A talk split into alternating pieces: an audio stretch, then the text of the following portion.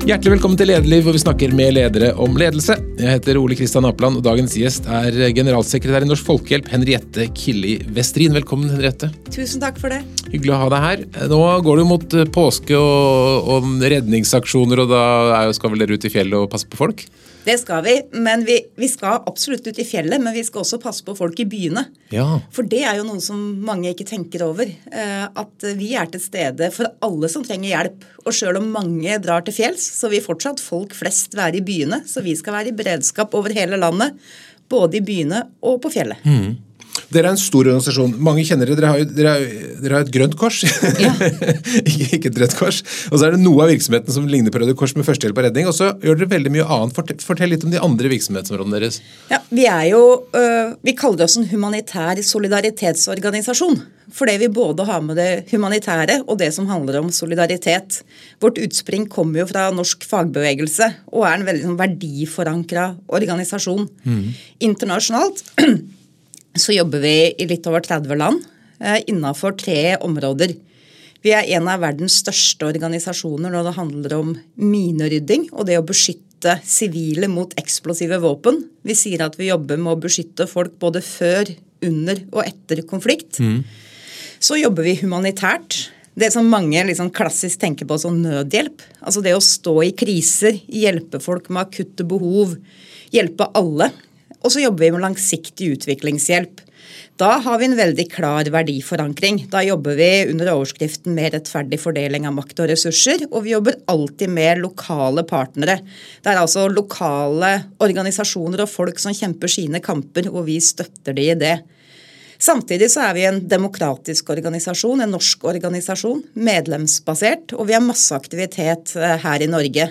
Det er delt i to hovedkategorier. Det ene er det vi snakka om førstehjelp og redningstjeneste. Som både handler om å hjelpe til i små og store kriser, akutte situasjoner, men også ha planlagte førstehjelpstjenester på store arrangementer. Så vi er til stede på alt fra Norway Cup, eh, hvor jeg sier vi håndterer små kriser som 16-åringer eh, med kjærlighetssorg og hjemlengsel, eh, og store katastrofer og kriser, sånn som når leirskredet gikk i Gjerdrum. Ehm, og så jobber vi med flyktning- og inkluderingsarbeid også over hele landet. Hvor vi er med å ønske folk velkommen eh, og forsøke å få de til å bli en aktiv del i lokalsamfunnet. Så det er stor bredde i det vi driver med. Mye her hjemme er medlemsbasert, mens internasjonalt er det drevet av ansatte. Og det er ganske mange mennesker? Ja, det er veldig mange mennesker. Vi er, eh, altså vi er 16 000 medlemmer her i Norge. Og så er vi 2000 mannskaper, dvs. Si det er folk som har gått kurs og som kan være frivillige og gjøre tjeneste. Så er vi 2500 ansatte. Vi kommer til å nærme oss 3000 i løpet av året i år. Og det er jo fordi at minerydding, det, det er arbeidsintensivt. Det er ikke et arbeid som er automatisert. Så alle som jobber med minerydding for oss, er ansatt i Norsk Folkehjelp. Eh, I tillegg til at selvfølgelig vi har ansatte også på humanitært og utviklingsarbeid, men fordi at det meste gjøres gjennom partnere, så er det sånn at de meste av pengene våre der de går ikke til egne ansatte, men til andre organisasjoner. Men på mineryddesida så gjør vi all jobben sjøl. Så vi har land hvor vi har mange hundre ansatte mineryddere. Også noen firbente ansatte? Vi har også noen firbente ansatte. Vi har eh, minehunder eh, som vi trener opp i Sarajevo. Det er jo sånn, Vi er heldige i Norge. Vi har ikke miner her. Det betyr at derfor så kan vi heller ikke trene folk eh, eller hunder her i Norge. For vi må være nært der eh, minene ligger for å jobbe. Så vi har et egen hub, et eget fagsenter i Sarajevo, hvor vi også har et minehundsenter. Så etter, eh, fra to år etter de blir født, så sendes de rundt i hele verden. Vi holder akkurat nå på å sende 14 hunder til Ukraina. Vi har hunder i Irak, i Bosnia, mange steder i verden, og de er jo mye mer effektive eh, enn mennesker. De jobber mye raskere.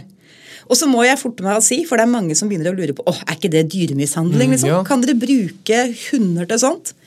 Minehundene de er tror jeg, verdens mest eh, bortskjemte dyr. De har egne fysioterapeuter, tredemøller, eh, svømmebasseng, får godt fôr, sjekkes hver dag at de er friske. Og det har aldri noensinne skjedd at en minehund har blitt skada eh, i tjeneste. Det var godt å høre. Og årsaken til det mm. er nok det at hvis du er en godt trent hund, den gjør nøyaktig det samme som den er trent på, gang etter gang etter gang. Det hender vi har ulykker med mennesker. Det er jo fordi at vi mennesker er innovative. Mm. Vi har alltid lyst til å finne en liten måte å forbedre oss på. Prøve å ta en shortcut, være litt kjappere. Eh, og det er da, nesten alltid da det går galt. Mens hundene de følger drillen hver eneste gang, og da går det bra. Så de er veldig effektive og en trygg og god måte å være med å redde menneskeliv. Men man skulle tro med alt mulig på å si, metallsøker og sensorteknologi og sånn at, at, hunder ikke vil være så effektive som, som tekniske hjelpemidler? Ja, Hundeneser, altså. Det er helt imponerende. De finner eksplosiver mange meter under bakken mye dypere enn det en metalldetektor eh, får utslag på. Eh, og det er klart, Hvis du er en minerydder som går med en metalldetektor, så må du bevege deg en meter fram, og så flytte metalldetektoren sakte, sjekke at ikke det er noe under der, og så kan du ta neste steg, og så ny meter. Mens hundene de sniffer raskt av gårde. Og så fort de kjenner noe som lukter, så stopper de opp og markerer. Og de beveger seg ja, mange mange ganger raskere enn det et menneske med en metalldetektor kan gjøre. Men det, Miner representerer et enormt problem der det er lagt ut? Det er et kjempeproblem. Eh, og dessverre så er det jo et problem som ikke går over. Eh, vi rydder eh, i Stillehavet etter annen verdenskrig. Vi rydder masse i Sørøst-Asia eh, etter Vietnamkrigen. Kambodsja, Laos, Vietnam. Eh, det kommer til å ta 30 år før Laos er fri for klasebomber som ble sluppet av amerikanerne tidlig i 70-tall. Vi rydder eh, Bosnia. Så det, det, varer i mange, mange tiår etter en krig er over. Og vi rydder i mange afrikanske land. Så er det jo, Derfor er Norsk Folkehjelp alltid opptatt av at vi skal ikke bare være operative på bakken, vi skal også jobbe med politikk. Mm. For vi har jo ambisjon om å forandre verden. Og da holder det ikke å bare løpe etter en krig og rydde miner. Så vi har vært med på å framforhandle forbudet mot landminer og forbudet mot klasevåpen. Eh, forbudet mot landminer har vært ekstremt effektivt. Fram til krigen i Ukraina så har vi knapt sett stater som har brukt landminer, eh, antipersonellminer, etter forbudet kom på plass. Så det har blitt mye mindre bruk av det. Dessverre, men, men, brukes det i Ukraina? Ja, dessverre så brukes det i Ukraina. Eh, I stor, stor skala. Eh, så det kommer til å bli et fra, av verdens Fra begge sider, eller fra russere? Det er dokumentert eh, at det brukes fra russisk side i stort omfang. Og så venter vi på mer dokumentasjon for å få vite om det også brukes på ukrainsk side. Mm. Det har blitt en, kommet en rapport helt nylig eh, som sier at det er grunn til å tro at det har vært brukt også fra ukrainsk side. Så der gjennomføres det nå ytterligere undersøkelser for å finne ut eh, om det stemmer. Mm.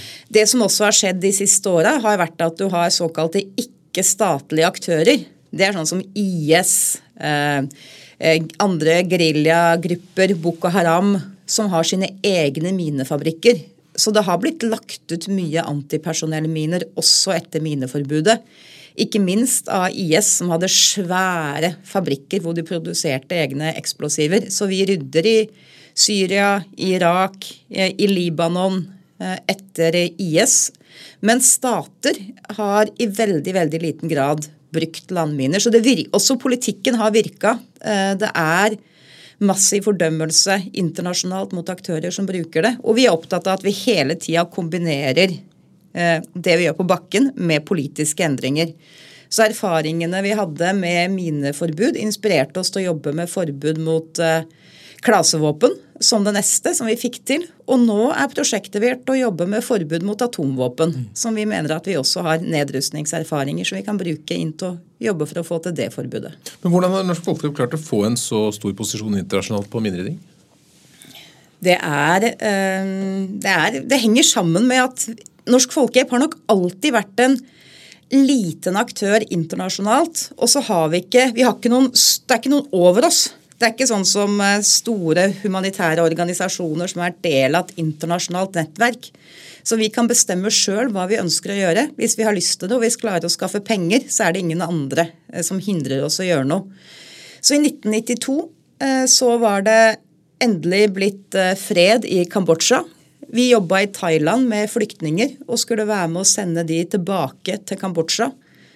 Så så vi at folk som da hadde overlevd krigen og endelig skulle nyte freden, de omkom når de skulle hjem. Mm. fordi at da tråkka de på landminer når de skulle flytte hjem igjen fra Thailand til Kambodsja. Så tenkte vi at sånn kan det ikke være. Vi må gjøre noe med det. Og da fant vi ut at da får vi ta tak i saken sjøl. Vi tok kontakt med Utenriksdepartementet, som var positive. Og bare få måneder etter så hadde vi vårt første lille mineryddeteam som reiste til Kambodsja. Og etter det har det bygd seg opp, og vi er nå ja, en av de tre store aktørene globalt som jobber med dette. Men er det nok kapasitet, eller er det områder som, som er på venteliste for å bli ryddet? Det er dessverre altfor lite penger eh, til minerydding. Eh, og vi ser den samme trenden der som vi ser mange andre steder. At nå, Det er jo fantastisk hvordan verden mobiliserer mot Ukraina nå. Men det kommer på bekostning av noe. Mm. Så vi må eh, nedbemanne i Libanon som et eksempel. Fordi at veldig mange donorer har kutta i støtta vår dit. Fordi de heller sender pengene til Ukraina. Og vi ser at mange konflikter som var eh, avslutta for mange år siden, er det lite attraktivt å være med å finansiere opprydning på. Som mange land i Afrika hvor det var eh, ja, kriger på 80-tallet som det fortsatt trengs å ryddes etter, er det ekstremt vanskelig å få finansiert. Vi er jo opptatt av at land skal bli helt ferdige. Fordi at vi har et mål om at hele verden skal bli minefri. Mm. Og da må du ikke slutte når jobben er 75% gjort. Så vi, vi, ønsker å være der helt til siste mine er rydda, og land har eh, gjennomført forpliktelsene sine etter minekonvensjonen. Så vi kan liksom sette et stempel på og si nå er det definert som minefrie. Men det blir jo dyrere og dyrere å rydde etter hvert. Fordi at da er minene mer, altså mer vanskelig tilgjengelig. Du har kanskje rydda de områdene hvor folk flest bor. Men vi tror det er viktig at vi får gjennomført det. Så F.eks. Zimbabwe er et land som vi nå sliter med finansiering til. Så vi, vi, skulle gjerne sett eh, mer penger til det området, akkurat som vi skulle det på alt det internasjonale arbeidet vårt. Vi er underfinansiert egentlig på alle felt internasjonalt i forhold til behovene. Men hvem er det som bidrar mest? Vi på minerydding så er amerikanerne vår største bidragsyter. Den amerikanske staten. Jeg pleier litt flåsete å si at de har sånn forurense betale-prinsipp. Ja, ja, så eh, de er med å finansiere veldig mye i uh, Sørøst-Asia, hvor det jo er amerikanske klasevåpen vi mm. rydder i stor grad. Så de er veldig store på minerydding. Eh, Norge er selvfølgelig en stor og viktig donor.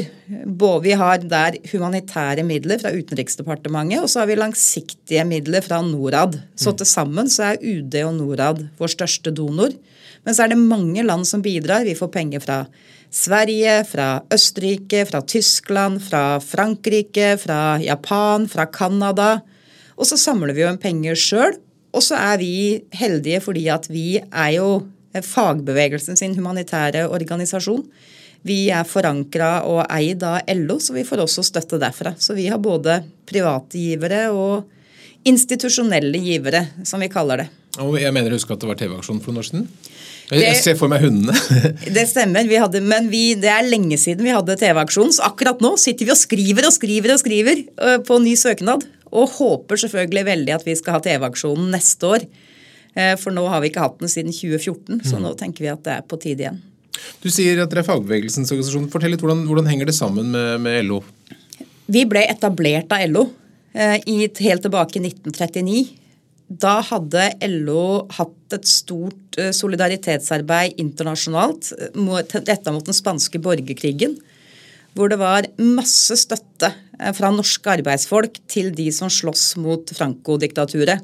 Samtidig så hadde man noe som ble kalt arbeidersaniteten, som mhm. ga helsehjelp til arbeidsfolk her hjemme i Norge. Da var det jo da sånn at hadde du ikke god nok økonomi, så fikk du gjerne dårlige helsetjenester. Blant annet så fortelles det at vi trakk mange tusen tenner på Jungstorget eh, til arbeidsfolk som eh, hadde fått beskjed om at eh, de var nødt til å bare la tenna dette ut av seg sjøl, for det var ikke noe som det offentlige kunne betale for.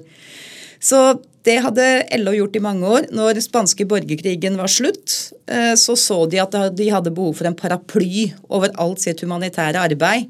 Så mange av de sterke mennene i norsk arbeiderbevegelse på den tida, eh, Håkon Lie, Carl Evang og flere, tok initiativ til å danne Norsk Folkehjelp. Og der skulle man putte både det nasjonale og det internasjonale solidaritetsarbeidet som LO gjorde, inn eh, under den paraplyen. Så det har vi jo fortsatt. Vi har to eh, pilarer. Det er rettferdig fordeling av makt og ressurser, og det er vern om liv og helse. Både nasjonalt og internasjonalt. Så LO sitter i styret vårt. Vi har tradisjonelt styreleder fra LO. Eh, og vi har avtaler med en rekke ulike LO-forbund hvor de samarbeider om prosjekter i enkeltland. Sånn at Fagforbundet samarbeider om Palestina og Libanon, Fellesforbundet om Sør-Afrika, FO om Sør-Sudan. Så er de både med å jobbe økonomisk, men også politisk. For vi er jo opptatt av at vi skal få oppmerksomhet rundt arbeidet vårt. De politiske sakene som vi jobber med i det landet skal få oppmerksomhet. Så de har ambassadører som reiser ned og besøker, og som er med å snakke om arbeidet når de kommer hjem. Så det er mm. både politisk og økonomisk samarbeid. Det er åpenbart godt forankret på toppen, men er det også slik at den enkelte fagorganiserte føler en tilknytning til Norsk Folkeklubb, tror du? Det er nok veldig varierende. Og det kommer litt an på også eh, hvor tett de ulike forbundene jobber med dette. ELO IT har et samarbeid om Honduras. De har hver uke en sak i medlemsbladet sitt som er mm. siste nytt fra Honduras. Jeg tror mange EL og IT-medlemmer kjenner til det arbeidet. Hos andre så er nok avstanden lengre. Eh, og vi opplever jo stadig at folk sier nei jøss, det har vi ikke tenkt på.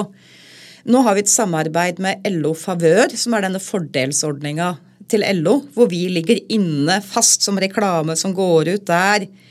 Men vi, det er nok mange som ikke kjenner til det, og vi er stadig i dialog med LO for å diskutere hvordan kan vi fronte samarbeidet vårt enda tettere, større samarbeidsprosjekter. Men vi er i hvert fall eh, ja, mye fellesskap. Mm. 1. mai er jo en av våre største og viktigste aksjonsdager. Og da er det veldig mange steder rundt i landet hvor de har tradisjon for å invitere oss inn med på markeringene da.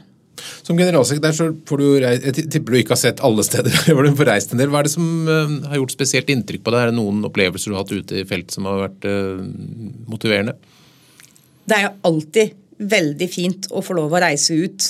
Uh, noen spør meg noen ganger om er det ikke fælt å se på all den elendigheten, liksom? Blir du ikke, blir du ikke lei deg? Sier at nei, det egentlig så er det det motsatte. Fordi at jeg reiser dit hvor jeg ser forandring. Jeg ser jo hvordan vi er med sammen med lokale partnere og gjøre ting bra i vanskelige situasjoner. Så jeg tenker heller motsatt. Et eksempel er jo vi samarbeider med en organisasjon som heter Abakhlali eh, i Sør-Afrika, som organiserer slumbeboere. Noe av det de har jobba hardest med, er jo eh, å få gjort sine boliger lovlige. For det er mye konflikter rundt eh, retten til jord og eiendom som henger tilbake helt siden apartheid-tida. Og det å treffe folk som har opplevd å få hjemmet sitt revet seks ganger, eh, og alltid levd ut, i utrygghet, og som nå plutselig har fått et husnummer på døra si. Fordi at endelig så har de gjennom Abaklali fått gjort om huset sitt til et lovlig vei. Den er registrert, og de vet nå at nå er det ikke lenger fare for at det kan bli revet, for nå har de papiret på at de eier det, og at det er lovlig registrert. Og de kan også da investere i huset, for det er ikke sånn at de risikerer at det blir revet hvilken dag som helst. Det er jo sånne historier som du tenker at åh, ja, det, er, det betyr noe, eh, og det gjør en forskjell.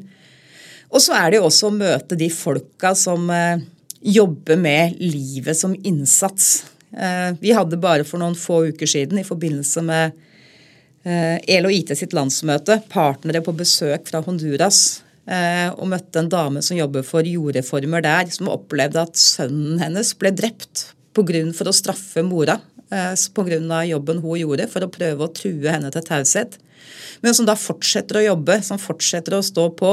Som lever med sikkerhetsvakter, som lever med eh, kameraovervåking på kontoret.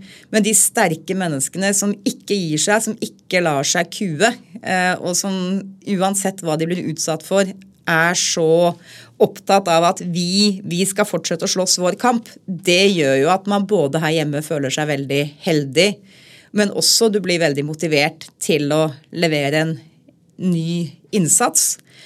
Annet eksempel kan være eh, at jeg har vært og besøkt eh, Libanon flere ganger og sett på minerydderarbeidet. Så et område eh, var jeg besøkte en periode. Da var det helt avsperra. Det var ingen som hadde adgang. Vi rydda der. Eh, når jeg kom tilbake nå, så var det dyrka mark. Fordi at det har blitt ferdig rydda. Det er gitt tilbake til lokalbefolkninga. Og du så at folk eh, skaffa seg mat fra det området som tidligere var eh, kontaminert og farlig. Så det, det, det er fullt av eh, historier som det som, hvor jeg ser at vi er med å skape forandringer. Men nå, nå, har dere da kompetanse på veldig mange ting, og så er det jo eh, Dere ser på hele verden, og det er jo endeløst mye nød og elendighet hvis man begynner å lete. Hvordan velger dere hvor dere skal gå inn? Det er um, litt forskjellig på de ulike programområdene våre. Uh, på minerydding så handler det jo om uh, om, hvilke områder som er mest land som er mest kontaminert. Vi prøver jo når vi først har kommet inn i et land, å være der helt til jobben er ferdiggjort. I noen land er det et begrensa problem, og vi kan være der i kort tid. Men så kan det jo oppstå nye kriger og konflikter som gjør at vi har behov for å gå inn i nye land. Sånn som vi etablerte oss i Ukraina i fjor, et land vi ikke hadde vært i tidligere.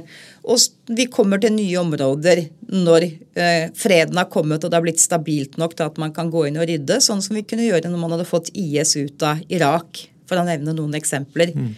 Når det gjelder det langsiktige utviklingsarbeidet, så ser vi på hvor er det vi har kompetanse som gjør at vi kan gjøre en forskjell. Noe av det viktigste vi gjør, er det vi kaller partnerselektering. Det er å leite etter de lokale organisasjonene som er sterke nok til å kunne bygges på og skape strukturelle endringer. Og når vi først har gått inn i et land, så ønsker vi å være der over lengre tid. Jeg var i Libanon i fjor og markerte at vi hadde vært der i 40 år.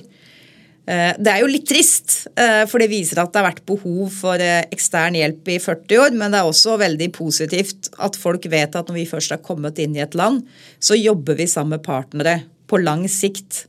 Det betyr også at vi, vi er ikke primært en humanitær organisasjon. Vi er primært en utviklingsaktør som tenker langsiktig. Men i mange av de landene hvor det er langsiktige behov, er det også humanitære behov. Så da jobber vi humanitært i tillegg til det langsiktige. Mm.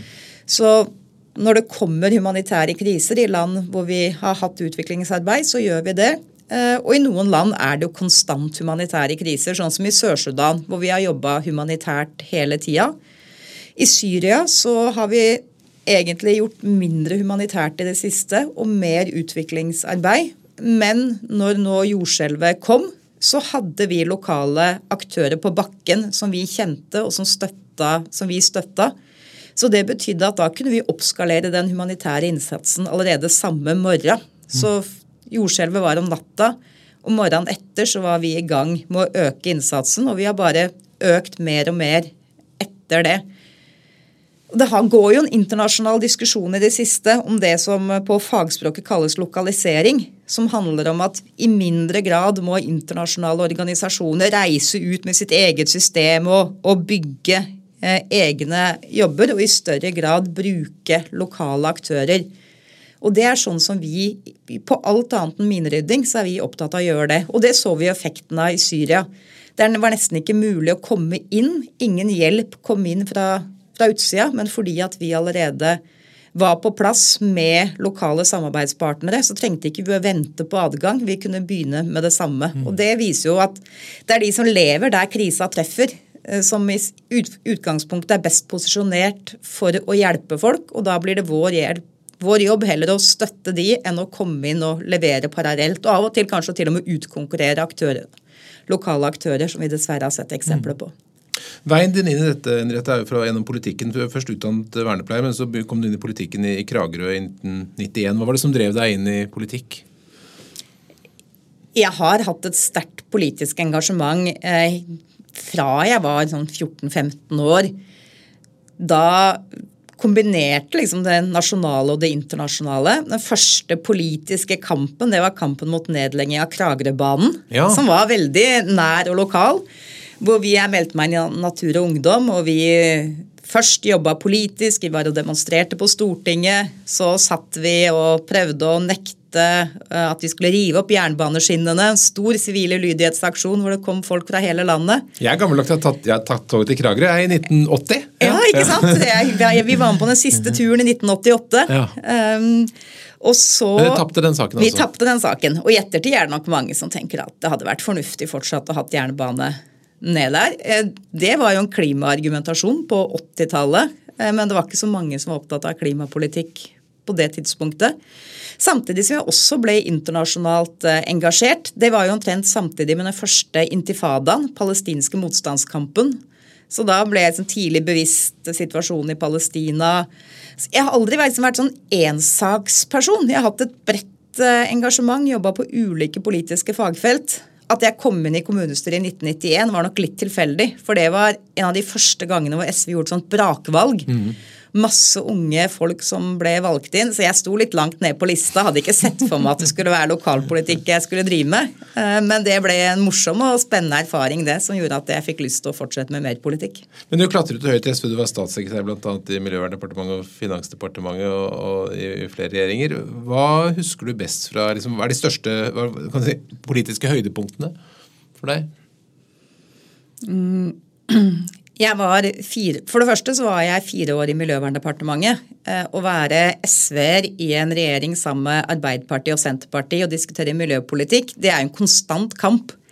Mot Arbeiderpartiet på petroleumspolitikken og mot Senterpartiet på vern og naturvern. Så det var mye tøffe kamper. Forvaltningsplan for Barentshavet og Norskehavet ramme for gasskraftverk, hele klimapolitikken, nasjonalparker, vern av Trillemarka var en av de første store sakene vi sto i. Eh, på, I Norsk Folkehjelp så har vi et møterom som heter Vefsna, som er oppkalt etter en minesveiper som vi brukte for å ta røntgenbilder i kampen mot tuberkulose. Mm -hmm. Da pleier jeg å si 'Vefsna, den har jeg vært med å verne', for det var en ting som vi fikk til gjennom Soria Moria. Så de, mm. de helt konkrete sakene var eh, viktige. Mange harde slag. Så var jeg jo i Finansdepartementet under finanskrisa. Eh, som var eh, ekstremt travelt. Krevende tid. Vi møtte en krise som vi ikke hadde møtt før. Ikke visste hvordan man skulle håndtere. Var med å lage tiltakspakker. Hvordan skal du møte det? Hvilke satsinger er det nødvendig å gjøre på det feltet? Så det er kanskje noen av de sakene jeg husker best. Samtidig så en ting som jeg har hatt mye glede av eh, i etterkant av så mange år i politikken, eller to ting jeg har lyst til å dra fram. Det ene er det at uenighet ikke er farlig. Mm. Du, vi sto tre partier som ofte sto mot hverandre, som måtte finne felles løsninger. Og det å leite etter kompromisser, det å si at det er, det er helt legitimt at man har ulike synspunkter. Vi har ulike interesser, men la oss legge de på bordet og la oss diskutere de godt. Det har vært nyttig også i Folkehjelpa, hvor vi jobber med så mye ulike temaer, og hvor det kan være interessemotsetninger. Skal vi prioritere minerydding, eller skal vi prioritere utviklingsarbeid? Kan vi få til begge deler? Hvordan prioritere ressurser? Og det å få folk til å si, fra. Kom med uenighetene, legg de på bordet, la oss snakke om det. Det ikke, ikke, ikke liksom gå og hvisk om det, ikke vær flau for det. Dette må vi jobbe med, og det kan komme noe godt ut av det. Det er det ene.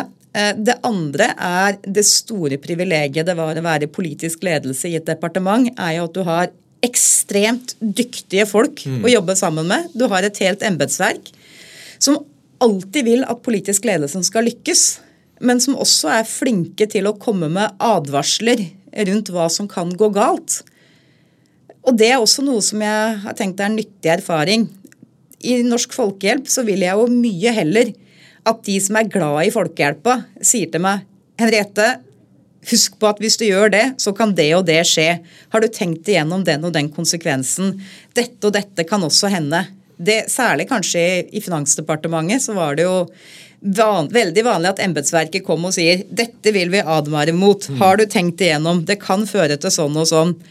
Uh, og ikke se på det som noe negativt, men se på det som noe positivt. For det er mye bedre at de advarer enn at det plutselig blir en VG-sak etterpå fordi man ikke har lytta. Mm. Og det er også noe jeg har tatt med meg veldig inn i Folkehjelpa. Jeg sier til folk jeg vil høre alle motforestillingene, legg de på bordet. Og så er det ikke sikkert jeg følger de. Det kan godt hende jeg beslutter en annen vei, men vi skal ha visst om det på forhånd. Så det å være tydelig på at uh, kritiske røster er viktig, det har også vært uh, nyttig erfaring å ha med seg fra politikken. Men eh, som statssekretær så fikk du jobbe sammen med dyktige statsråder og, og regjeringen generelt, og mange av Norges beste politikere. Hva, det, hva plukket du opp om ledelse? Hadde du noen forbilder blant disse? Ja, jeg jobba med både Kristin Halvorsen, Bård Vegar Solhjell, Helen Bjørnøy, Audun Lysbakken. Så jeg hadde mange flinke statsråder jeg jobba med. Men jeg må nok si at Kristin Halvorsen er en leder jeg har lært mye av. Eh, og jeg eh, prøver eh, å ofte å tenke hm, hvordan, Hva er det jeg har lært, hva er det jeg kan ta med meg derfra? Hva, hva er det du tenker hun er bra på? da? Hun er bra på veldig mye. Et sånt lederråd som hun ga meg en gang, som jeg følger ofte, det Eller jeg prøver egentlig alltid å følge. Det å være tydelig på mål og prinsipp, men fleksibel på virkemiddel. Mm. Og vite veldig klart hvor du skal, men ikke som leder være så opptatt av hvordan du kommer deg dit. For av og til så blir vi som ledere sittende og krangle veldig på skal vi gjøre det på den måten eller den måten. Og så kan det godt hende at du har eh, flinke fagfolk som veit det bedre enn deg, men du har liksom bestemt deg for måten du vil løse et problem på. Og så det, det å være fleksible på det og si ja, ja, men det er ikke så farlig for meg om vi gjør det sånn eller sånn. Så Det viktige er hvor vi skal, og at vi kommer oss dit, og at vår jobb som leder er å sette retning. Mm. Og Hun har jo vært her i Lederlivet også, så de som er ivrige, kan gå tilbake og høre på episoden med Kristin Halvorsen. Og så er du flink med folk. Det å alltid behandle folk mm. Eh, bra, og stort sett eh, klare å være i godt humør selv når det koker, det, det, er også viktig å prøve å ha med seg. Er du god på det? Ja, jeg tror det. Ja. Jeg, jeg, jeg jeg prøver alt. For det første så er jeg alltid opptatt av at uh, du skal behandle folk skikkelig. Uansett hvor stressa du er, og uansett hvor travelt det er, så må du behandle folk respektfullt. Og så har jeg nok et sånn grunnleggende optimistisk uh, syn på verden. Så jeg uh, er stort sett prøver å være blid og tenke at vi kan komme ut av de fleste kriser og konflikter på en måte som gjør at vi kan lande på beina. Mm. Nå er det tusenvis av mennesker som har deg som, som leder. Hvordan ønsker du at du skal være for dem? Hvordan skal de oppfatte deg? For det første så er jeg opptatt av at vi i Norsk Folkehjelp alltid må huske hvorfor vi, hvorfor vi finnes, og hva vi gjør. Eh, og hvorfor vi gjør det. I en så stor organisasjon så kan det bli litt sånn innoverskuende. At man blir veldig opptatt av interne prosesser og hvordan vi er i forhold til hverandre. Så jeg er opptatt av at jeg alltid skal snakke om eh, formålet. Jeg skal snakke om eh, pasienten som trenger hjelpa her hjemme i Norge. Jeg skal snakke om de unga som skal kunne gå trygt for ikke å bli sprengt av landminer. Jeg skal snakke om de menneskerettighetsaktørene som vi jobber med internasjonalt. Og hele tida minne folk på formålet og hva vi er der for. Så vil jeg at jeg skal sett på som en engasjert leder, en motiverende leder. En som er med å skape troa på de store forandringene, og at alle skjønner at de har en viktig rolle. For det er ikke alle som er synlige blant så mange ansatte. Og det kan kanskje være noen som syns ting er langt unna og føler seg som en litt uvesentlig brikke. Men det å skape den forståelsen av at vi trenger at hver eneste en i Norsk Folkehjelp leverer godt, og at eh, alle er like viktige. Det er også noe jeg er opptatt av. Men du har en virksomhet med veldig stor bredde. så det er liksom Alt fra de som skal hente beinbrudd på Prekestolen, til folk som skal rydde miner i, i Libanon og demokratiutvikling i et helt annet sted. Så klarer du å få folk til å føle at de er i, i samme organisasjon? Ikke, ikke alltid. og det, det, er jo noe vi jobber mye med hele tida.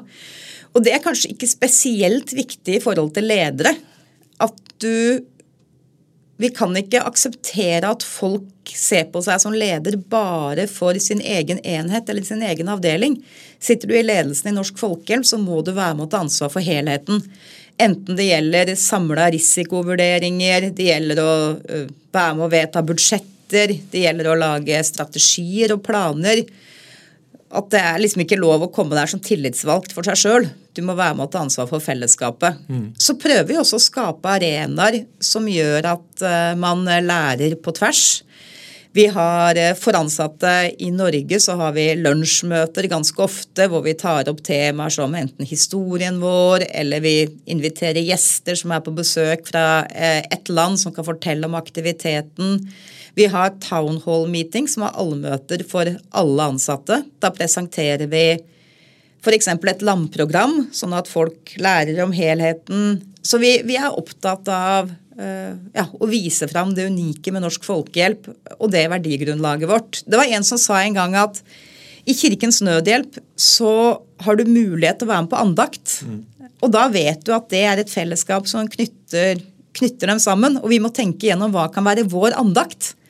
Og det, det, er viktig. Hva er det som er verdigrunnlaget vårt? Hva er det som er felles for oss? Eh, som alle deler, sjøl om det er så stor bredde. Og det handler jo også om vår tilknytning til eh, fagbevegelsen, vår kamp for rettferdig fordeling.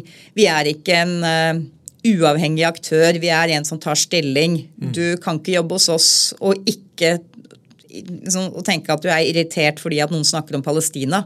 Kampen mot den israelske okkupasjonen er en sentral del av norsk folkehjelp, og det må du vite enten du jobber i HR eller økonomi eller i et annet landprogram. Å skape den forståelsen for helheten, det, det jobber vi mye med. Og det er viktig lederjobb for alle i Norsk Folkehjelp. Og så er det viktig å klare å skape den tilhørigheten og den identiteten hos alle. Men du har, du har jo da um, bakgrunn fra fagbevegelse og politikk hvor det er mye sånn slagord og paroler og sånn. Er, er, det sånn at du jobber gjennom 2023 uh, f.eks. med noen sånne paroler eller ting som du stadig gjentar? Budskap som du um, opp, sier igjen og igjen til organisasjonen? Men vi prøver å ikke uh, skifte det for ofte. Mm. Så det er ikke sånn at det er noe nytt hele tida. Eh, det er egentlig veldig gjenkjennelig. Det handler om å si at vi deler fagbevegelsens verdier med rettferdig fordeling, eh, inkludering, kamp mot diskriminering. De kjernebudskapene som ligger der. Men så er det nok kanskje mer viktig hva vi gjør, enn hva vi sier. Vi jobber mye med ledelse i Norsk Folkehjelp. Eh, fordi at vi har jo ledere som kommer fra hele verden.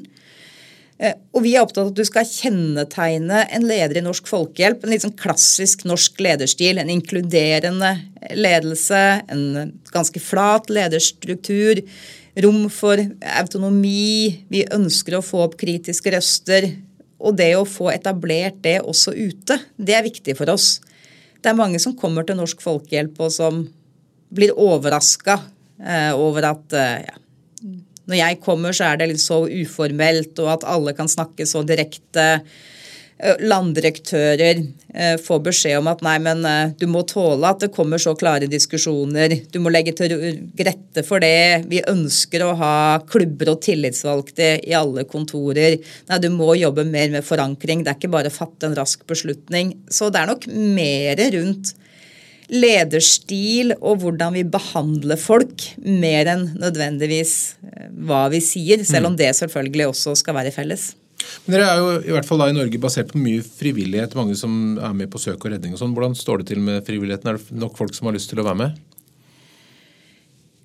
Ja, det vi opplever nå, er at uh, folk blir med hvis de blir spurt. Vi var jo mange eh, som sleit under pandemien. Men vi har satsa på rekruttering etterpå, veldig målbevisst. Eh, og det har vært en stor suksess. Vi fikk mange nye medlemmer i fjor. Og vi får mange nye medlemmer i år. Faktisk så har vi fått så mange medlemmer at vi eh, har slitt med å ta dem imot på en god måte. For hvis du skal bli mannskap i førstehjelp og redningstjeneste, så krever det innsats. Du må kurses. Du må først ha et 30-timerskurs i førstehjelp, og så må du ha et nytt kurs hvis du skal bli redningsmannskap. Og det vil si at Da må vi ha instruktører. Og mange av de hadde også falt av under pandemien. Så vi ble faktisk litt overvelda av hvor mange frivillige som kom i fjor. Og vi hadde ikke nok instruktører til å kurse de raskt nok. Så det har vi jobba med å ta igjen nå. Så nå i år så står vi med åpne armer og ønsker hjertelig velkommen hver eneste som har lyst til å bli frivillig og ser at vi får mange hundre nye altså, som mm. melder seg til tjeneste. Men det krever at vi spør de, at vi er synlige, at vi satser på det. fordi de kommer jo ikke på det av seg sjøl. Men det, det, har vært veldig positivt å se at aktiv rekruttering, det virker. Så bra. Og, og, og, For å ta en annen side hvor dere konkurrerer med andre, da, dere konkurrerer om tid, men dere konkurrerer også om penger. Er det nok folk som har lyst til å støtte dere? Klarer dere å hevde dere i konkurransen? Nei, der er vi absolutt ikke flinke nok. Nei. Det er bra, Du skylder har... ikke på folk, du skylder på deg selv. Ja, jeg, jeg, altså Det gis jo mye penger mm. i Norge. Så jeg tenker at vi har for liten andel av det. Eh, så vi burde klare å øke det. Så det vi kaller frie inntekter, det har vi lite av sammenligna med veldig mange andre organisasjoner. Vi har mye penger fra disse institusjonelle donorene. Ulike nasjoner, eh, og vi har liksom fra stiftelser og vi har fra LO. Men vi har ikke vært flinke nok til å få, nei, til å få givere fra mm. privatpersoner. Så det er altså et område som vi strategisk jobber med å styrke nå. Fordi at de pengene, det er jo gullpenga. Det er de fleksible penga som vi sjøl kan bestemme hvordan vi skal bruke. Det er de vi kan toppe en innsats med. Hvis vi f.eks. det kommer en krise, en humanitær katastrofe, så tar det kanskje opp til en måned før vi får penger fra et land. Da burde jo vi ha et fond som vi kan sette kjapt inn.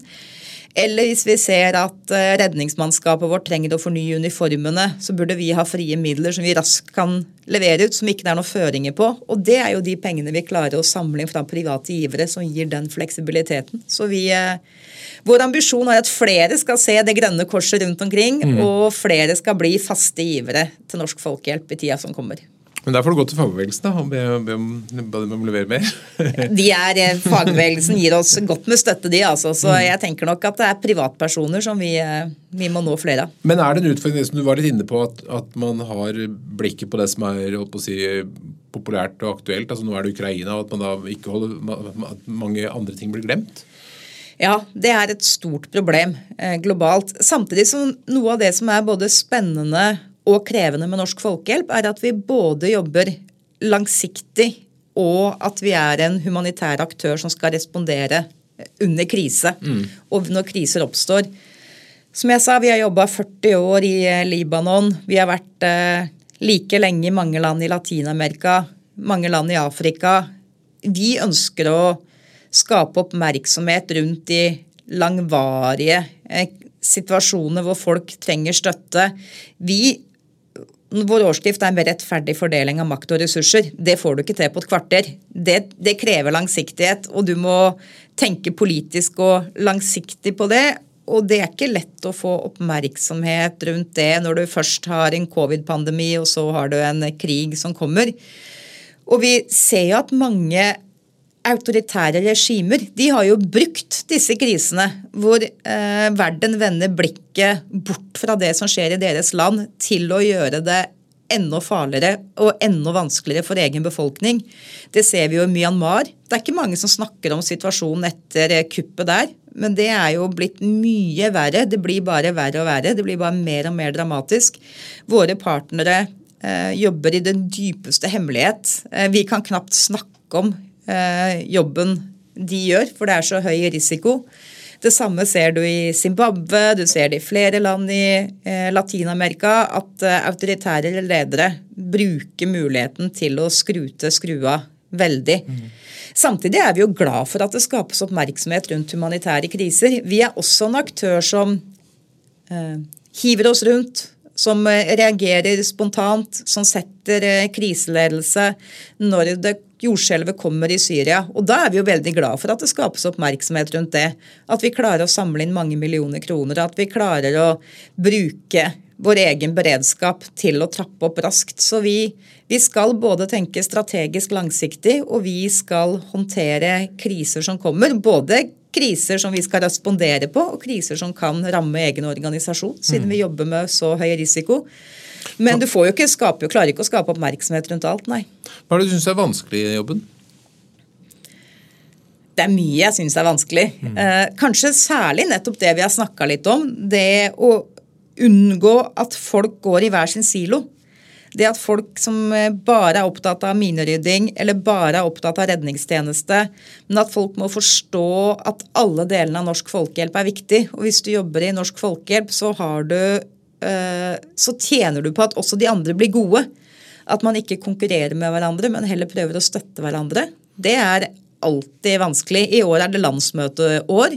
Vi har landsmøte hvert fjerde år. Da skjerpes knivene litt ekstra. Da er man veldig ofte opptatt av sitt fagområde, sitt tema. Og det å klare å jobbe med å få Men det er litt naturlig, var det ikke det? Jo, det er det. Greie. Og det er helt naturlig, men derfor er det jo vanskelig som leder. Mm. Det er ikke, vi er ikke så mange i Norsk Folkehjelp som ikke kommer fra den ene sektoren. Å være den ene sammen med noen få, sammen med noen i styret, økonomisjef, kommunikasjon Mm. og få andre som skal se helheten. Det er, det er tidvis eh, vanskelig. Og så er det jo mye av det som er et fortrinn, er også det som kan gjøre ting krevende. Vi har ekstremt dyktige ansatte, vi har dedikerte ansatte, vi har engasjerte ansatte. Vi har folk som brenner så inderlig for det de jobber med. Og da er det ikke alltid like lett å akseptere at en beslutning ikke nødvendigvis går den veien du sjøl ønsker. Eh, Vi er gode til å fatte beslutninger. Vi er ikke alltid like gode til å implementere de. Og det å sørge for at eh, man er lojal til beslutninger som fattes, følge de helt ut, sikre at eh, det vi bestemmer i Oslo, det blir faktisk gjennomført i Sør-Sudan eller Laos, og at rutinene sikrer at veien går helt ned, det er også noe vi må jobbe med hele tida, og som tidvis er vanskelig. Når koser du deg mest? Jeg koser meg jo mest når jeg er ute. Eh, og det kan være enten jeg er med og får kjøre båt på Lysefjorden, eh, se på hvordan man jobber med å hente eh, folk fra Prekestolen, er på skredøvelse, eller jeg er i Sør-Sudan, eller jeg er i Sør-Afrika og møter partnere.